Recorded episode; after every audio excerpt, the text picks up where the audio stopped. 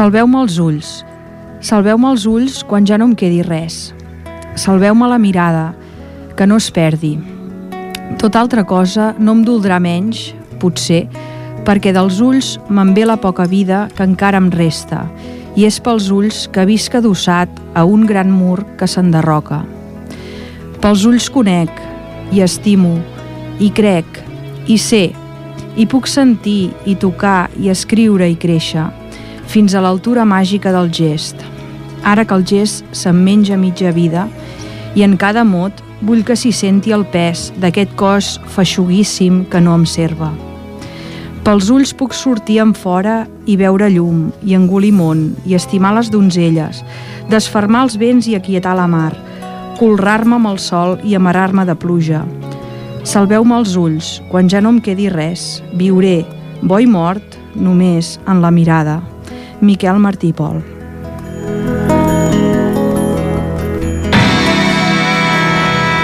Benvolguts. Ara iniciem un programa per aconseguir un somni. Una estona dedicada a moure'ns contra el càncer. En ella us explicarem què és, us informarem sobre la seva prevenció, us ajudarem a recolzar els malalts i us mostrarem la feina que fem els voluntaris de l'Associació Espanyola contra el Càncer al nostre poble.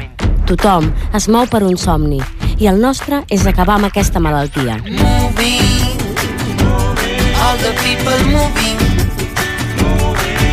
One move for just one dream. We say moving, all the people moving. One move for just one dream. Tiempos de pequeños movimientos, movimientos en reacción. Hola, benvinguts de nou a la tercera edició de Movent-nos contra el càncer. Aquesta, aquesta tarda estem amb tots vosaltres per presentar-vos una nova edició d'aquest programa. En primer lloc, saludem a l'equip tècnic i a la nostra audiència. Els col·laboradors habituals, les Núries, hola, bona tarda, Hola, bona tarda. la Raquel Bona tarda. i a l'Albert. Bona tarda. Bé, comencem doncs. Eh, el sumari d'avui estarà compost en primer lloc eh, per l'agenda. Explicarem què farem per Sant Jordi. Eh, anem preparant ja les activitats. Sabeu que es fa Sant Jordi a la Rambla, llavors us explicarem què, què farem des de l'associació. Després, eh, la Raquel ens farà una petita entrevista a la Inés Vallès, eh, voluntària de la nostra associació. A continuació tindrem una cançó i després ja vindrà la part grossa de l'entrevista amb l'Aurora Gómez.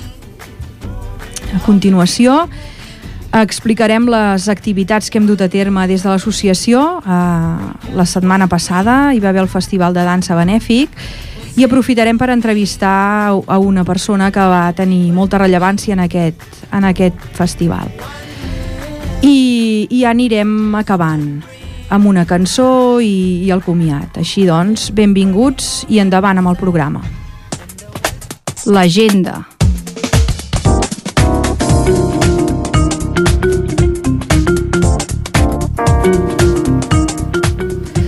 Hola, Núria, què ens pots explicar doncs, de cara a Sant Jordi d'aquest any?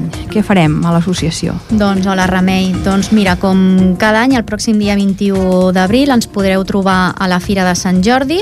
Ripollet prepara una fira per celebrar la Diada del Sant i gaudir a l'aire lliure de roses i llibres pel carrer. Doncs allà estarem nosaltres també, venim com vam fent aquests últims anys. Tindrem un espai ubicat a l'alçada del Parc dels Mestres. Allí els membres de la Junta i els voluntaris de la nostra associació us atendrem de manera molt agradable. Qualsevol tipus d'informació que necessiteu, dubtes, el que vulgueu, allà, allà estarem. Al nostre stand també podreu trobar informació de totes les activitats i actuacions que hem fet durant aquest any a la nostra associació quina relació tenim amb la resta d'associacions, amb la Junta Provincial, les activitats pròximes, eh, de tot. I com a tradició, ja en el nostre concurs, doncs, com cada any, farem un sorteig entre la gent que ens compri un número per a col·laborar amb nosaltres. Uh, la novetat d'aquest any és que intentarem fer el sorteig el mateix dia, en allà, no com l'any passat, que van ser uh, al cap d'uns dies.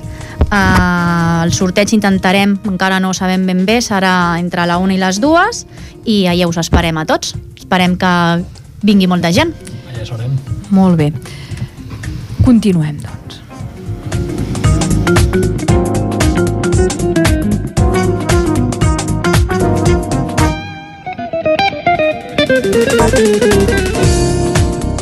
Mm, recordeu? Uh, recordem que tenim un, un telèfon, perdoneu, eh? Un telèfon que és el 93 594 2164. Està disponible a tothom que vulgui trucar i preguntar qualsevol, qualsevol dubte uh, ara en directe al programa. També recordem que tenim la pàgina al Facebook, que és AECC Ripollet, us hi podeu subscriure i us feu amics i llavors allà hi anem penjant informació vinculada amb l'associació i molt actualitzada. A la pàgina web de la ràdio, ripolletradio.cat, teniu tots els programes que hem anat fent i us els podeu descarregar. Uh, I per últim, una altra informació és que recordem que els dilluns de 10 a 12 uh, els voluntaris de l'associació estan al centre cultural atenent qualsevol dubte, eh? els dilluns de 10 a 12. Doncs res, continuem. Ara amb el, amb el tema dels voluntaris de la nostra associació.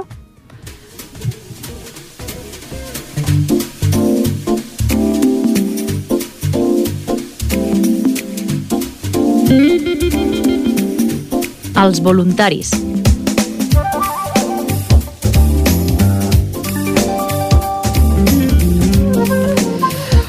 Vinga, doncs, Raquel, ens, ens pots fer aquesta petita entrevista a la Inés? Molt bé, bona tarda a tots.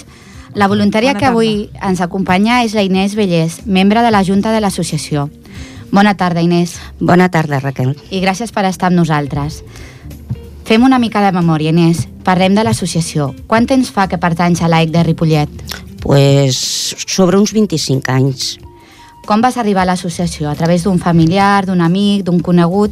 Bueno, doncs vaig arribar a l'associació, mm, la meva cunyada, la Isabel Pareja, ho era, m'ho va dir i vaig fer. I la Margarita també, vull dir, per elles vaig entrar i perquè vaig tindre un malalt a casa meva i m'agradava fer col·laborar, col·laborar, perdó. Moltes gràcies. Vale. Uh, aquí has fet nous amics? Sí, molta gent que bueno, jo la coneixia del poble i ara pues, considero que són amigues meves. Vale. Pensant una mica en tots aquests anys, quin és l'acte que es fa anualment que t'agrada més i per què? Bueno, pues a mi m'agrada el dia que recull, fem la recapta, perquè sóc una persona molt coneguda d'aquí al poble, i m'agrada anar a, a darrere els cotxes, més ben dit, perquè són els que generalment et donen quasi més. Molt bé. Ens sabries dir quin és l'acte que més eh, s'ha recaptat fins ara? Pues sí, la, sobre els contes que tinc, l'acte que vam fer el de la dansa a l'auditori ha sigut un dels que s'ha col·laborat més cèntims. Pensa-hi una mica. Quina activitat t'ha agradat de totes les que hem fet fins ara? pues, de la que vam fer jo m'ho vaig passar molt bé el dia del TV3. La o sigui, la marató de TV3 m'ho vaig passar bomba. Molt bé. Escolta'm, i ara digue'm dues raons per entrar a formar part de l'associació. Bueno, una de les raons més bé pues, ajudar la gent perquè avui en dia, és clar, són els altres, però també t'hi pots trobar tu o algú de la teva família i a mi pues, m'agrada col·laborar. Digue'm ara, passarem a conèixer-te una mica millor a tu. Eh, on vas néixer? Jo vaig néixer a Barcelona, però, perdó, vaig vindre a Ripollet, que tindria uns 13 anys. Molt joveneta, eh? Sí, sí, Digue'm un número que t'ha... del- Bueno, digue'm el número que més t'agrada. el 7. I quin és el teu color preferit? Bueno, ja veureu, vaig de lila i m'agrada molt el lila. I sense pensar gaire, digue'm una cançó. Oi, una boig per tu, de Sau. Molt bé. I si un amic et convidés a dinar a casa, quin menjar t'agradaria que et fes? Ui, jo sóc una persona que m'agrada molt menjar, ja se'n veu, eh? I, pues, a veure, a mi m'agrada tot, però si pot ser peix, m'agrada més el peix. Quina és la teva afició? oh, la meva afició m'agrada cosir, i ara estic fent una cosa que m'agrada molt, i a més a més per la meva malaltia, és a l'aguagim, i m'ho passo molt bé. I quin és el programa de televisió que no et perdries mai? Oh, el bé. M'encanta. Imagina que fa una tarda de pluja i no pots sortir de casa. Quina pel·li t'agradaria veure? pues, em sembla que ho dic bé, als 12 mesos. De l'Scarlett Johansson, Exacte. oi? I si fossis invisible durant una hora, què faries? Quina entremediadura? Jo, si fos invisible durant una hora, primer, que no hi hagués malalties i que s'arreglés tot el que tenim, que és molt gros. Digue'm una cosa per endur-te a una illa deserta. Una foto dels meus nets i els meus fills. I per finalitzar, digue'm un desig. Un desig. És que n'hi ha molt. Jo, el meu desig més gran seria que ja que estem parlant d'aquesta malaltia, que no hi sigués aquesta malaltia, o que poguéssim recaptar prou Per lluitar. per lluitar. Exacte. Molt bé, doncs moltes gràcies, Inés. A vosaltres. Doncs amb aquesta última pregunta ens despedim. Molt bé, gràcies Raquel i Inés.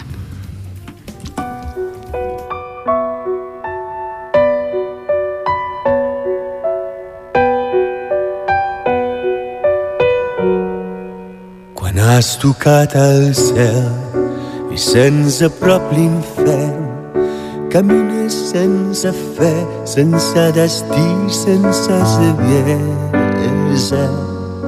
Fugint del que no entens, fugint d'aquest present, pensant aquells anells és l'única forma que tens de continuar. Tornarem a ser grans i tornarem quan sortim d'aquesta tempesta que amaguem rere rostre indiferent però cou i ens fa sentir que hi tornarem Trencar aquest desencert comença en un mateix. Tornem a les arrels dels somnis que ens van veure néixer. És temps de ser valent, és temps de ser conscient que cal cor i cervell i no volem perdre ningú en aquest camí. Tornarem a ser grans i tornarem quan sortim d'aquesta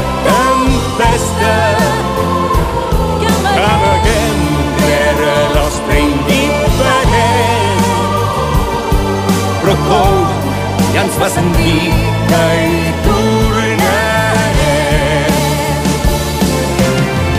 Rere els núvols hi ha, rere els núvols hi ha un sol tan gran que mai ningú no podrà amagar.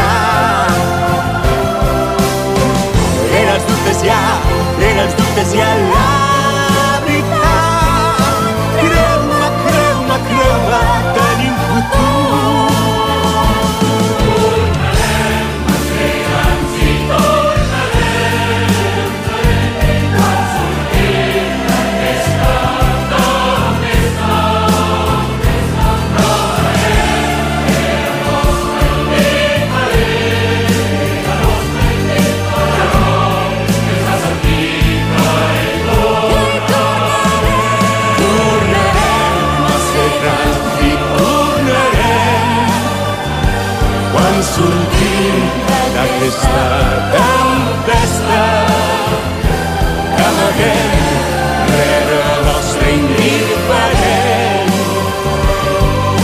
cou i ens va sentir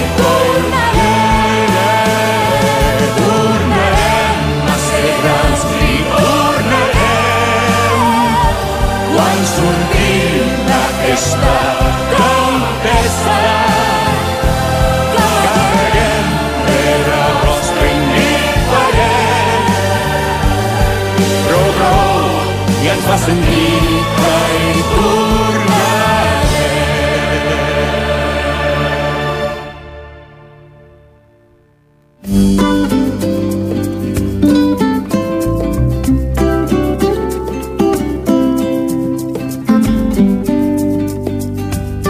L'entrevista. Bé, bona tarda. Després d'aquesta magnífica cançó que ens agrada a molt del component de, del que és de l'associació, passem a, a l'entrevista. Avui ens acompanya l'Aurora Gómez, ripolletenca, que ha viscut molt de prop una experiència amb el càncer. El seu fill, Enric, va patir un sarcoma d'Ewin i ens va deixar l'any 2011 després de lluitar durant any i mig contra la malaltia. A partir d'aquell moment, l'Aurora decideix ajudar a tots aquells que pateixen un càncer. Col·labora amb nosaltres, amb l'Associació Espanyola contra el Càncer, crea una pàgina web, Sarcoma Diwin, Todos los padres en contacto, i impulsa altres pàgines amb l'objectiu d'aconseguir recursos que ajudin a frenar el càncer. Avui, ella ens parlarà del càncer infantil i també de l'adolescent. A més, ens ajudarà, segur, a ser més solidaris. Bona tarda, Aurora. Hola, bona tarda, Albert. Uh, som conscients que ets una persona uh, molt lluitadora, que tens diferents projectes en comú i que ens agradaria una mica que expliquessis pàgines web, pàgines solidàries afegides al Facebook, etc. Uh -huh. Et podries fer 5 cèntims, sisplau? Sí.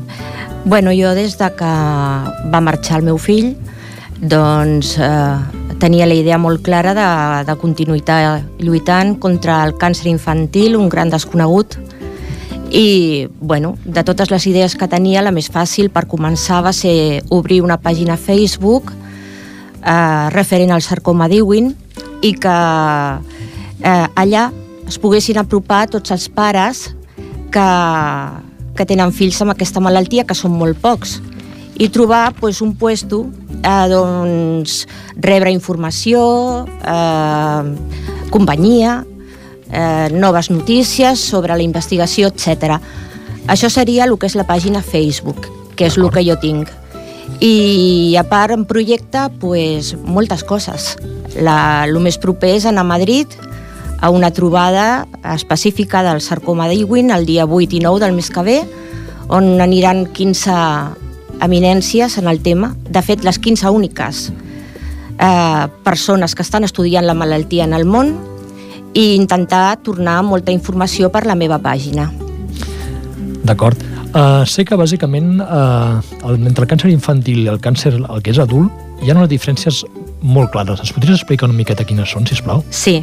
Bueno, si em permets, a partir d'ara parlaré en castellà perquè a la meva pàgina, per desgràcia, molta de la gent que, que està allà són de tota Espanya, uh -huh. perquè bueno, hi ha pares a Andalusia, a Astúries, Galícia, que tenen fills malalts i segurament m'estan sentint.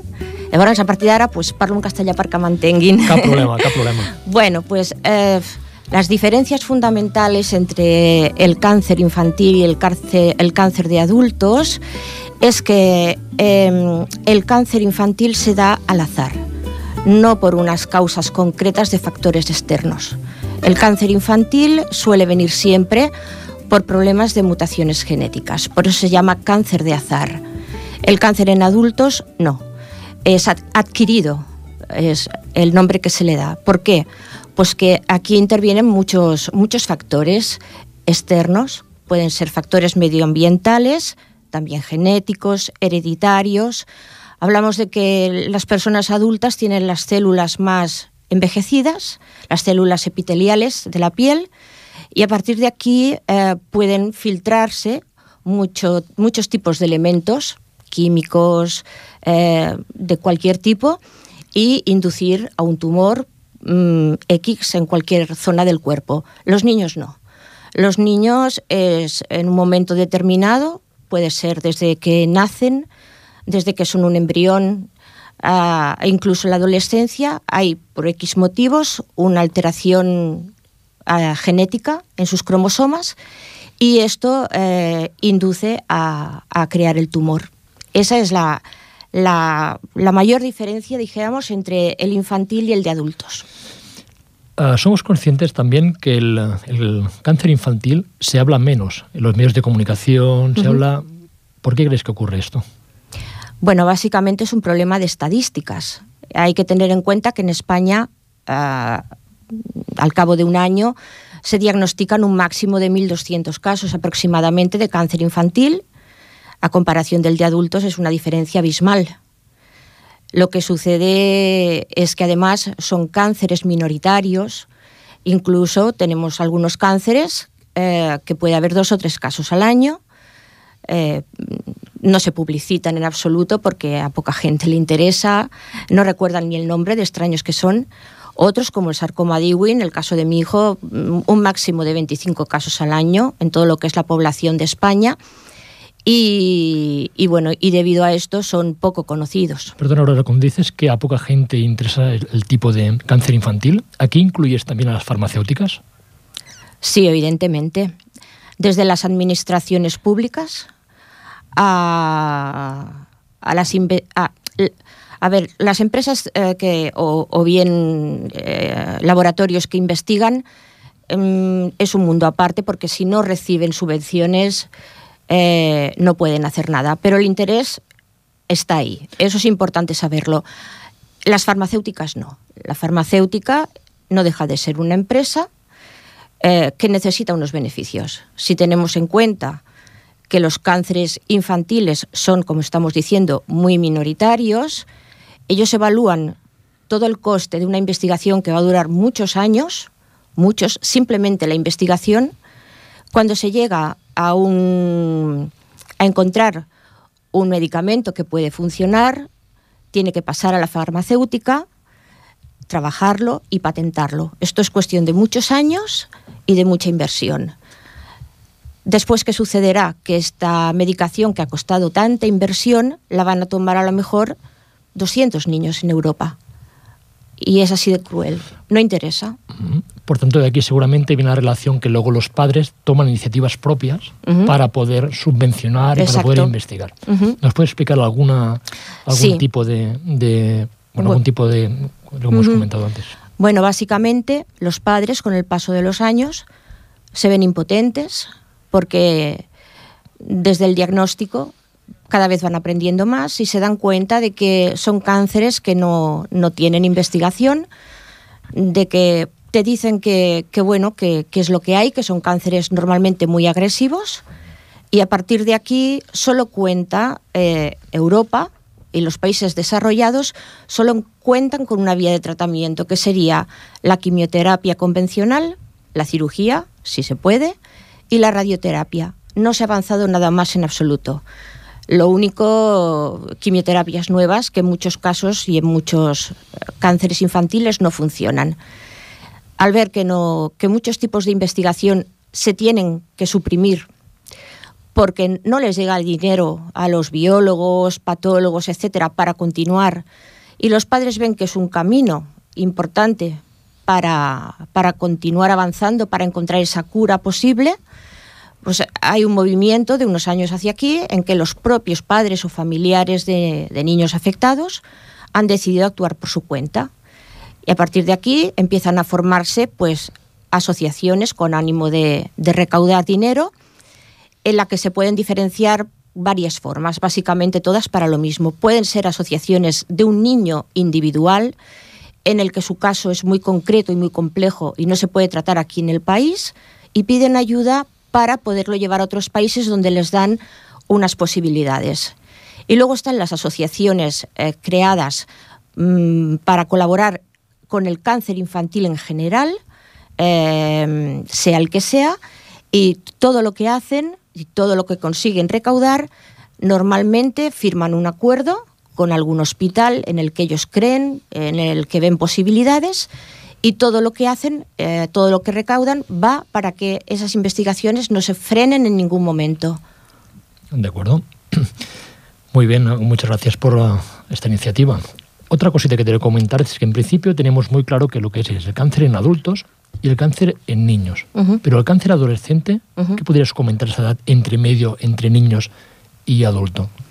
A ver, el cáncer adolescente se puede englobar en el de niños, es el mismo. Mm, es extraño que un adolescente, hablamos de los 15 a los 18, padezca un cáncer de adultos. Se dan casos, pero por ejemplo en las niñas un, un cáncer de, de útero, de ovarios, contados casos en el país y muy extraño. Entonces se engloba el de adolescentes en el infantil. Pero por la edad que tienen seguramente es más complejo porque compartirá seguramente hospitales con niños. Exacto, etcétera, ¿no? es el problema del tratamiento en sí, que simplemente hay que adecuar los tratamientos a, a, al peso y a la edad del niño, pero los tratamientos son idénticos y las pruebas diagnósticas también. Hablamos más del problema psicológico en el adolescente que, es un, un problema añadido. El adolescente está en una etapa de su vida pues mm, ya muy compleja en sí, de muchos cambios, y si además le añadimos una enfermedad tan grave como es el cáncer, pues eh, en los hospitales normalmente no suelen encajar en ningún lugar. Si están en la planta de pediatría, normalmente suelen encontrar niños pequeños y si están en la planta de adultos, aún peor porque en la habitación suelen ponerles a, un, a una persona mayor. Suelen encerrarse mucho en sí mismos porque realmente ya son personas adultas para entender lo que tienen, no es como un, como un niño que a pesar de que saben lo que tienen, eh, desconectan rápidamente y vuelven a ser niños, continúan jugando, etc. El adolescente no. El adolescente es consciente de que tiene una enfermedad muy grave y si la enfermedad se alarga, pues ya mm, trae mayores consecuencias, que sería pues el aislamiento, eh, el perder a las amistades, que es, es, muy habitual, se cansan de visitar al compañero enfermo, no pueden hacer la vida habitual del adolescente, continuar sus estudios. El apoyo de estudios simplemente está limitado a la primaria y a la secundaria, pero si hablamos de bachillerato o carreras universitarias, todo, todo queda cortado al instante. Y bueno, ya no hablemos, por ejemplo, pues de salir a, a disfrutar con los amigos, conocer eh, pareja, todo esto. Es muy complejo. Muy bien, Aurora. Me gustaría también que opinases un poquitín sobre la Asociación Española contra el Cáncer y cómo la valoras y si crees que es importante o no. Bueno, todas las asociaciones contra el cáncer son importantes, pequeñas, grandes, medianas. Todo lo que sea ayudar es bien agradecido, porque la gente, bueno, hasta que no, lo, que han hablado antes, hasta que no te sucede en tu familia, una persona llegada y querida, no se pueden imaginar lo que es esta enfermedad, lo que supone para la familia y a, a muchos niveles. Entonces, cualquier tipo de asociación es importante. La ACC, evidentemente, es una institución en el país, es tal vez de las, de las primeras que conocemos, y personalmente la conocí, curiosamente, mmm, al enfermar mi hijo, porque buscando en Internet, como todo el mundo acabamos haciendo, y buscando sobre el sarcoma de Ewing, pues encontré la asociación. Entré buscando información, pero seguidamente entré en la red social, donde está el apartado de testimonios, y a partir de ahí empecé a hablar con personas de, toda España que entraban allí contando su experiencia, esperando que el resto de gente les animásemos con nuestras palabras, igual que tú podías recibir ánimos o compañía en momentos muy delicados. Eh, sigo en la, en la, red social, a pesar de haber perdido a mi hijo, porque he hecho grandes amistades.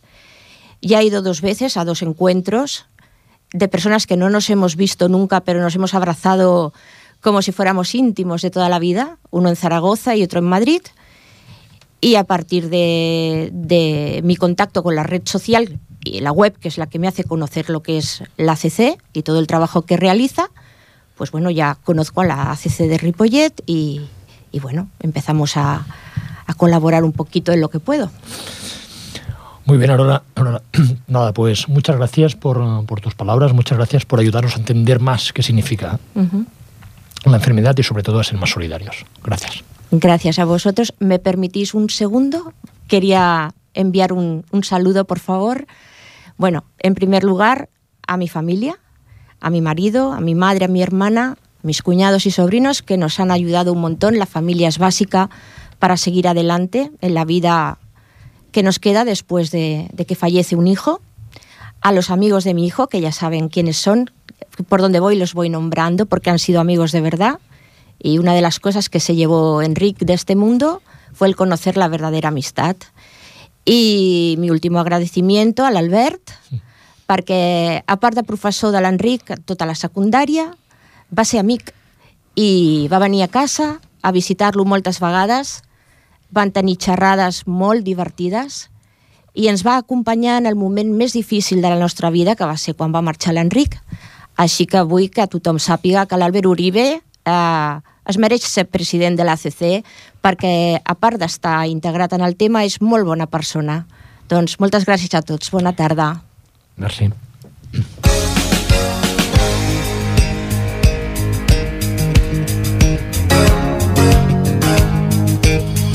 les activitats.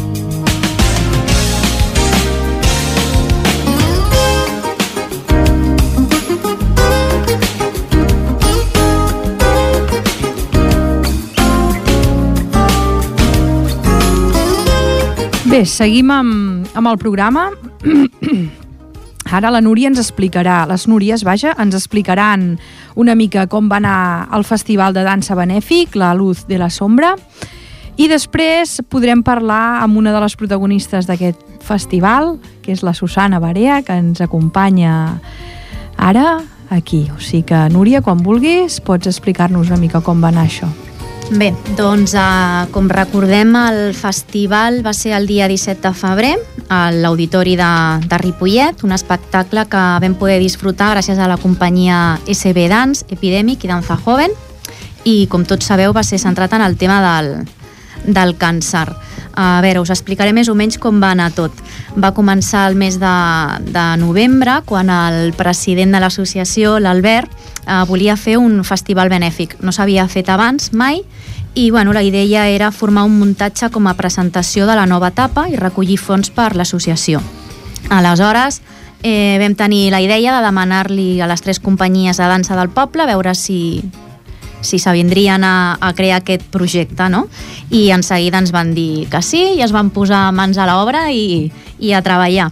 Uh, D'aquesta manera vam poder oferir el treball que vam gaudir tots, perquè vam gaudir tots i molt, i vam recaudar un final de 1.500 euros per l'associació i, i a veure, la Núria, ens expliques alguna més? Doncs sí, molt, molt, us explico molt. Mm. Doncs va ser tot un, un èxit. Vam fer dues sessions, no hi cabia ni una agulla. Una sessió a les 12 del migdia i una altra sessió a les 6 de la tarda, on es van viure moments molt emotius, ple de sentiments. La reacció del públic va ser molt, molt emotiva. Va tenir una gran connexió entre ells i els ballarins, dels quals hem de dir que més sentiment i moltes ganes crec que no podien haver passat. Van estar realment espectaculars. Vam convidar a diverses mm, autoritats locals, els regidors Mar Vieira, Gemma Edó, Maria Lladó i Joan Fandos. També vam gaudir de la presència de la vicepresidenta de la Junta Provincial de l'àrea de Barcelona, la Cristina Salat, i també ens va acompanyar la Cèlia Escribano, que si la recordeu, la vam tenir present a la nostra primera secció d'entrevistes en aquest programa. Li vam comentar i bueno, no va dubtar amb res i, i va venir, va venir a les 12 del migdia i ens va acompanyar. No cal dir que estem molt i molt contents pel gran èxit i amb ganes de continuar preparant molts més espectacles. Aquest ha estat el primer de molts més que estem disposats a fer, perquè tot el que fem per la lluita contra el càncer és poc. D'acord, doncs moltes gràcies per aquesta petita explicació de com va anar el festival. Re, només comentar doncs, que la setmana passada va sortir en portada la revista de Ripollet, eh, bueno, el festival que es va realitzar, i, i dues notícies interiors a dins de la revista també parlen d'aquest espectacle i també sortim al butlletí de Ripollet Municipal, també hi ha un, un petit article sobre, sobre el festival, o sigui que, bueno, endavant, va estar tot molt, molt preparat i, i molt, molt correcte. Bé, doncs ara la, la Núria ens farà cinc cèntims amb la Susana, doncs com va anar la preparació de tot això. Jo abans que res vull fer un, un, un incís, no? Uh, tot i que ja sabíem que gairebé totes les entrades estaven venudes, a uh, taquilla encara hi havia gent allà esperant a veure si retornaven alguna entrada per si quedava o no quedava. Me'n recordo que hi havia una dona que ara no sé si era pel matí o per la tarda, per la tarda, per la tarda. que es va estar una bona estona allà esperant, esperant i preguntava, t'han tornat alguna, t'han tornat alguna? Vull dir que això et fa sentir bé, bé i agradable, no? De que estem fent una cosa que, que agrada al poble i crec que per ser la primera vegada va estar molt, molt bé. Bueno, Susana, estàs preparada? Veig que estàs una miqueta nervioseta, sí, nerviosa, però bueno, sí. tots, tots ho estem, eh? vull dir que tu tranquil·la. Vale. Explica'ns... Bueno, recordar primer que Susana Barea és del Club PCB Dance, oi? Si no m'equivoco? Sí, sí vale. correcte. A veure, com es va iniciar el projecte aquest? Com... Bé, doncs ens va trucar Joan, que li havien bueno, trucat des de la... No sé si Joan, ai, Albert, directament, sí, sí. sí, sí, oi? directament. Pues directament, i, i bé, ens va ser un, un matí, ens vam reunir, va explicar el que havíem de fer i bueno, immediatament els tres vam dir que sí, tant la Noelia a Espanya com el Joan com jo, mm -hmm. i bueno, encantats amb el projecte perquè, per desgràcia, ens ha tocat molt de prop. Tots tenim pares afectats, bueno, per desgràcia ells dos ja no els tenen, jo sí que la tinc en plena lluita, està amb la quimio ara la meva mare, i bé, eh, el projecte ens va semblar espectacular. El veieu difícil de, de, de muntar sobre d'un escenari, de, de, no, el lo difícil era a nivell emocional, a veure com se'n sortiríem realment, perquè, uf, clar, a Joan al novembre va perdre el seu pare, la Noelia no sé si fa un, dos o tres anys, mm. però clar, és tot molt recent, la meva mare és, és ara la, la lluita i la veus i psicològicament està molt forta perquè és forta i ella ens dona realment les forces, no? I realment quan jo vaig muntar els meus trossos era pensant en ella, o sigui, i m'emocionava i escoltava la música i ha estat tan de veritat, tan d'acord, que bueno, suposo que per això ha agradat tant, de veritat. És a dir, que l'heu viscut a sobre de l'escenari amb molta intensitat, no? De veritat que ho vivíem. I, bueno, eh, pel matí sobretot, que va vindre la meva mare a veure-ho, eh, en un dels balls que faig amb la meva parella, amb el meu marit, uf, eh, ploràvem de veritat, perquè és que, és que estava tot tan a floll de pell i jo la veia amb ella i bueno, és que va ser impressionant. I ja per la gent, que pateix aquesta enfermetat o que sé que molts pares d'alumnes meus pues, han patit o no estan. No? Clar, és que és un tema molt, molt a real. Tot, no? A tots ens toca. Sí. Mm, vull dir que gairebé tots és el que comentes tu. Sí. Gairebé tots, per desgràcia, tenim algú que, que, que, ho, que ho estem vivint. Sí. Llavors, bueno, uh, va ser difícil posar-vos entre tots tres d'acord a l'hora de muntar coreografies? Va ser una No. miqueta follon o... No, al contrari, va ser, bueno, una passada. Va ser genial. Primer, perquè ens portem superbé. Som com ja tres germans, que dic jo, que a més ens portem, ens estimem moltíssim i això és la base. I a partir d'aquí, cadascú va posar, pues, bueno, vam, vam proposar de fer tres parts, el diagnòstic, el pronòstic i el veredicte. I cadascú, pues, donar la seva visió, no? o com, com, què és el que muntaria. Ens vam respectar perquè és el que cadascú vivia des de dintre i simplement doncs, va ser organitzar doncs, millor el del Joan I, després el de la Noelia, després el meu, simplement fer un ordre. I, bueno, I el resultat penso que va ser força... I quan els hi veu dir als vostres alumnes el tema del festival, Uf, uh, bueno, els hi van pactar primer i els hi va encantar després. O sigui que i els ho nens que deien, perquè també sortien Sí. nens petits a, Els amb el lema de nens- lucha darrere Sí, sí. de la roba a l'esquena. Els nens encantats. I ells notaven, perquè encara no, molts no ho han viscut, o bueno, que no ho Són visquin petits, mai. els són que petits. sortien eren petits. Exacte, llavors, bueno, però ells, no sé com dir-te, els hi, els hi transmetíem aquest sentiment que portàvem tots i estaven com més, com més, no sé, no sé com dir-te, més madurs Mhm. sobre l'escenari, més, sabien que era una cosa sèria i així ho vivien també ells. Va ser diferent aquest festival a altres que heu fet anteriorment? Totalment, totalment. Primer perquè érem tres, normalment sempre cadascú fa el seu festival i, i bueno, l'estat tan, tan compenetrats i tota la gent, perquè ja no només nosaltres tres, la gent que portem cadascú va ser impressionant, érem una gran família i, bueno, i ja tenim projectes endavant de fer els tres junts i molt bé, Llavors veritat era la primera vegada que actuàveu tots tres junts? Sí, la primera vegada. Pues no ho semblava, eh? Ah. Perquè veu, veritat. veu connectar i a la gent de, els que ho estaven veient, vamos, jo almenys vaig disfrutar molt, em va Me agradar moltíssim. Me n'alegro de El muntatge, tot, la vivència de com ho víeu vosaltres allà de l'escenari, jo crec que veu transmetre molt, realment. gràcies. També és el que, el que volíem. Una coseta. Uh, M'han dit que torneu a repetir el, el festival? Doncs sí, ahir mateix m'ho va confirmar Joan, que pel proper 17 de març Mhm. tornarem a fer dues sessions, a les 12 i a les 6 de la tarda, Mhm. i bé, mm, a intentar veure si tornem a omplir per recaptar diners i, bueno, i tot que sigui en benefici d'això.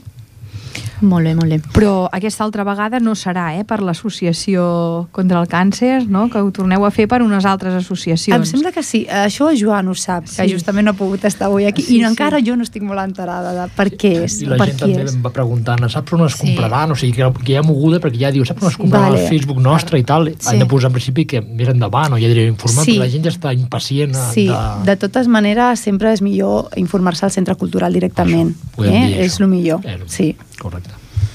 Bé, doncs, Susana, moltes gràcies per acompanyar-nos aquesta A tarda. Va ser un festival magnífic, vam poder gaudir tots de lo que veu fer i el que veu transmetre i moltes gràcies també al Juan i a la Noelia. I a vosaltres, eh? Sobretot, de veritat, perquè per nosaltres va ser una cosa excepcional, impressionant. Eh, encara estem amb l'ànima que puja i baixa, de veritat, almenys parlo per mi, perquè estic emocionada encara, per lo que vam viure de la manera, la gent, la resposta de la gent, impressionant, impressionant. Moltes gràcies. A vosaltres. Gràcies. Doncs gràcies. One, dos, one, dos, tres.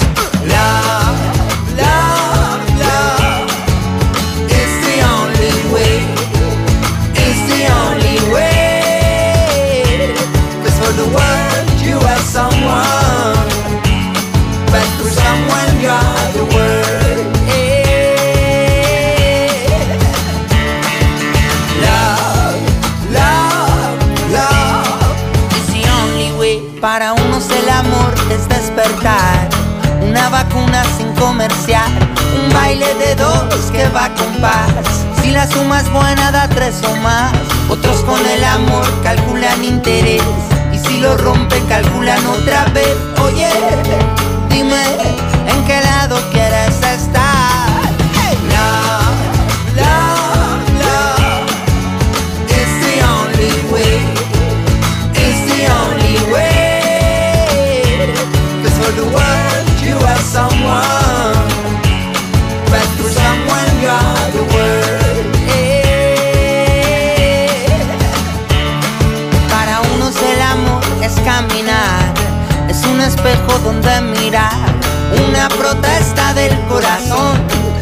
escuchas se respondón, otros con el amor juegan a amarrar y entre los dedos se les suele escapar. Oye,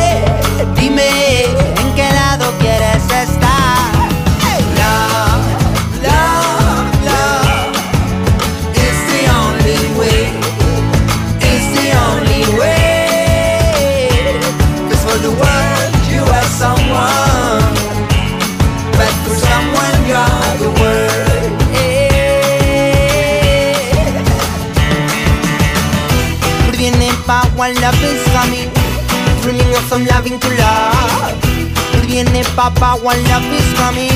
Dreaming of some loving to love Viene pa', viene pa' one love is coming. Dreaming of some loving to love One love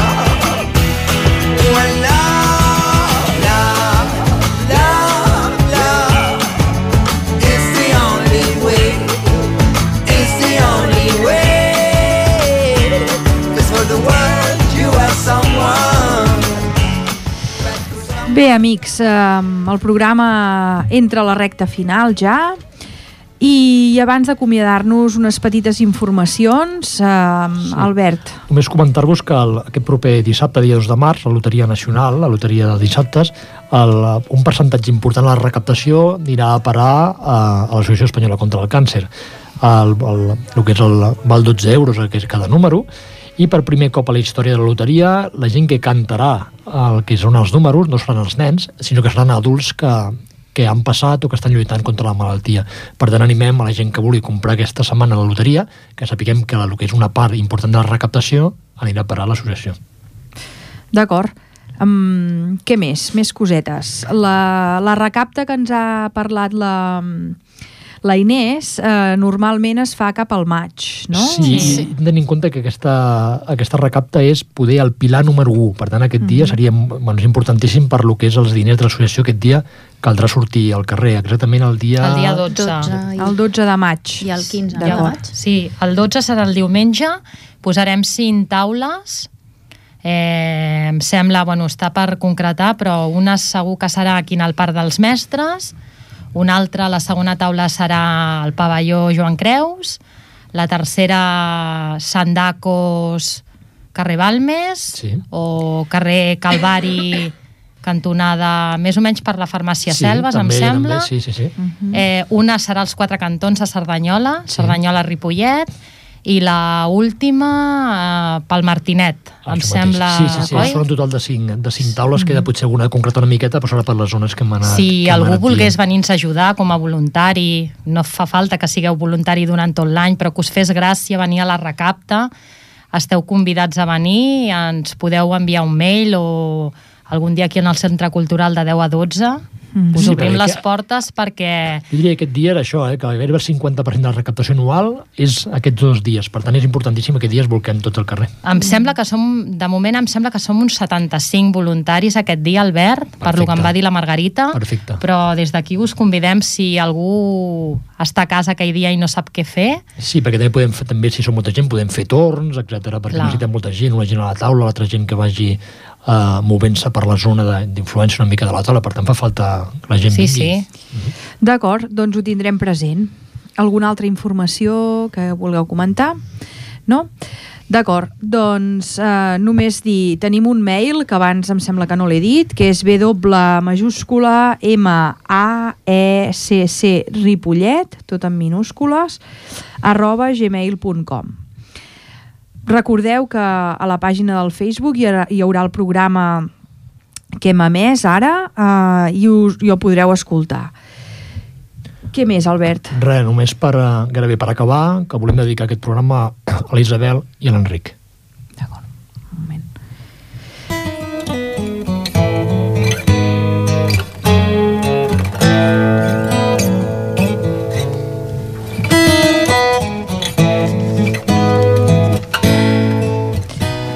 L'univers és infinit. Per tot acaba i comença. I ençà, enllà, amunt i avall, la immensitat és oberta i a on tu veus lo desert, eixams de mons formiguegen. Jacint Verdaguer.